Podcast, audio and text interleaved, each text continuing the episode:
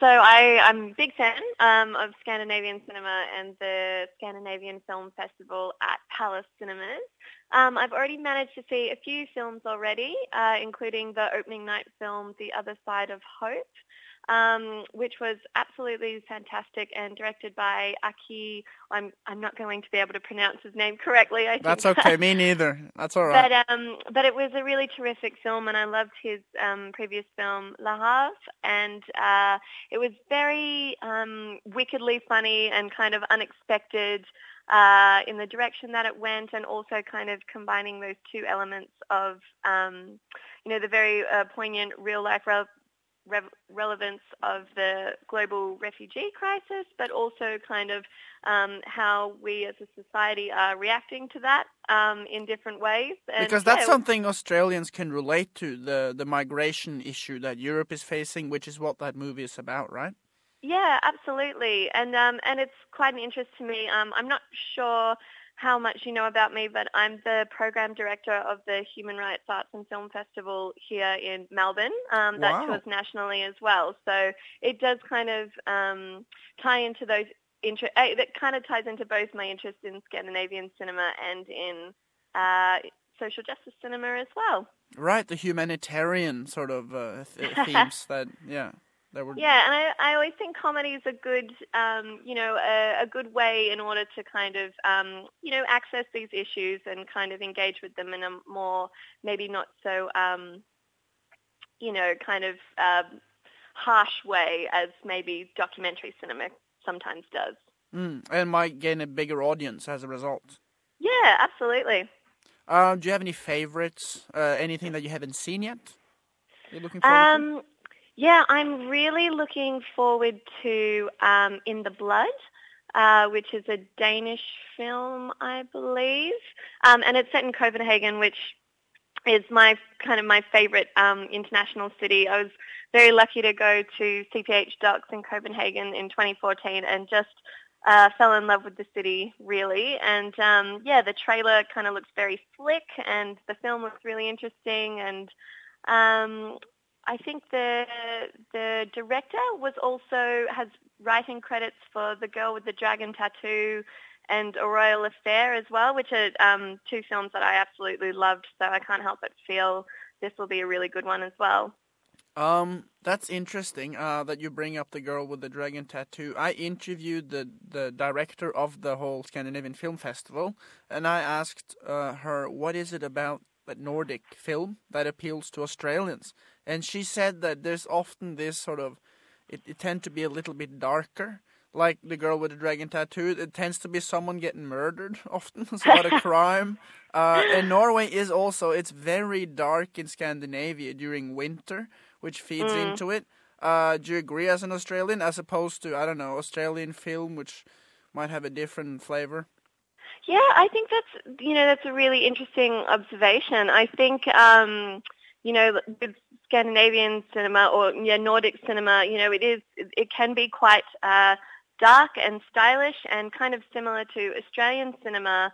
Um, you know we're very well known for our uh, true crime um, narrative films, and you know Scandi noir is kind of the I guess the genre that um, that kind of Scandinavian cinema does particularly well. But it's interesting. I feel like maybe, as you said, in the wintertime it does get pretty dark um, over there. But you know, a lot of Australian film is maybe known for its more like kind of sunshine and kind of more sunny outlook and disposition. So It adds to the atmosphere, I think. Interesting. Yeah, I agree. I agree. But yeah, there is definitely, I think, a big following of um, Nordic cinema in Australia. Uh, when I chatted to you on Facebook, you mentioned some other Norwegian films that you like that aren't on the festival. Could you uh, let us know what you what you like from Norway? Um, yeah, yeah. So recently I've just um, gotten into the television series uh, Skam or Shame, which is the uh, English translation. And um, I'm I'm only at the very beginning. I've just only seen the first episode, but I was really intrigued by its kind of uh, international cult following that it's had, um, and really interesting way of posting its episodes. I I read that they would kind of um, play portions of the episode. So say if something happened in the episode at you know 9:30 in the morning, then a 10-minute clip would go up 9:30 that morning, so people would kind of be following the action as it was happening in real time. So I thought that was really, really interesting, and yeah, it's very, very cool. Kind of, um, a lot of people are calling it, I guess, Norwegian skins in a way, and um, you know, skins had such a huge following, and people are saying that Skam's even better. So I can't really? wait to better than yeah. Skins. That's great. Skins, Skins, Yeah. Skins a great show. Oh, Skins is a fantastic show. Have you se- have you seen any of Skam yet? Uh, no, but I've seen Skins, and if, if you're saying that it's a similar uh, topic, then uh, I should watch it. Yeah, everyone's saying it's very similar, but they're actually saying that Skam is even better. So yeah, I can't really wait to get more into that one. Mm. Um, and then also, uh, just thinking of other Norwegian films, um, I saw The Wave that was at the Scandi Film Festival last year, which was um, a really excellent uh, disaster film, Mhm. which I don't really normally go see, but I was very intrigued at the thought of a of a kind of Nordic disaster film and what, what that would look like. So that was really fun.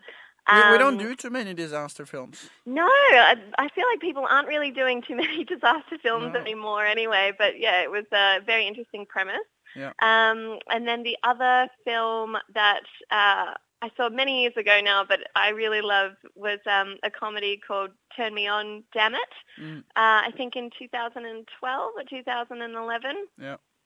and it was just you know a very I just thought it was a very honest and very funny kind of portrayal of I guess you know kind of first dalliances and frustrations and humiliations into love and sex and teenage romance and yeah it was it was really brilliant and um yeah a very enjoyable watch I recommend that one to any anyone Um, well, that's awesome. That's th- those are great suggestions. When I before I moved to Australia, uh, the only TV shows that I could see from Australia was uh, Bondi Rescue and and Home and Away. That's the only shows, and I hated those oh shows. god What do you they're recommend? terrible shows Yes, they suck. What do you recommend for Norwegians who thinks that Home and Away sucks and are maybe interested in some Australian, some some characteristically Australian stuff? What do you recommend? Yeah. Oh my goodness. I have to think about that.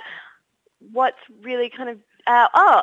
Um, there's a really fantastic show called uh, The Kettering Incident Mhm. um, that uh, came out, I think, last year with Elizabeth Debicki, which I thought was really um, just a really sophisticated crime drama. So Mhm. that might, you know, appeal to um, the kind of noir, uh, true crime um, enthusiasts, Mhm. but also, um, I guess, a television series that is very um, that has been very popular and has had many iterations.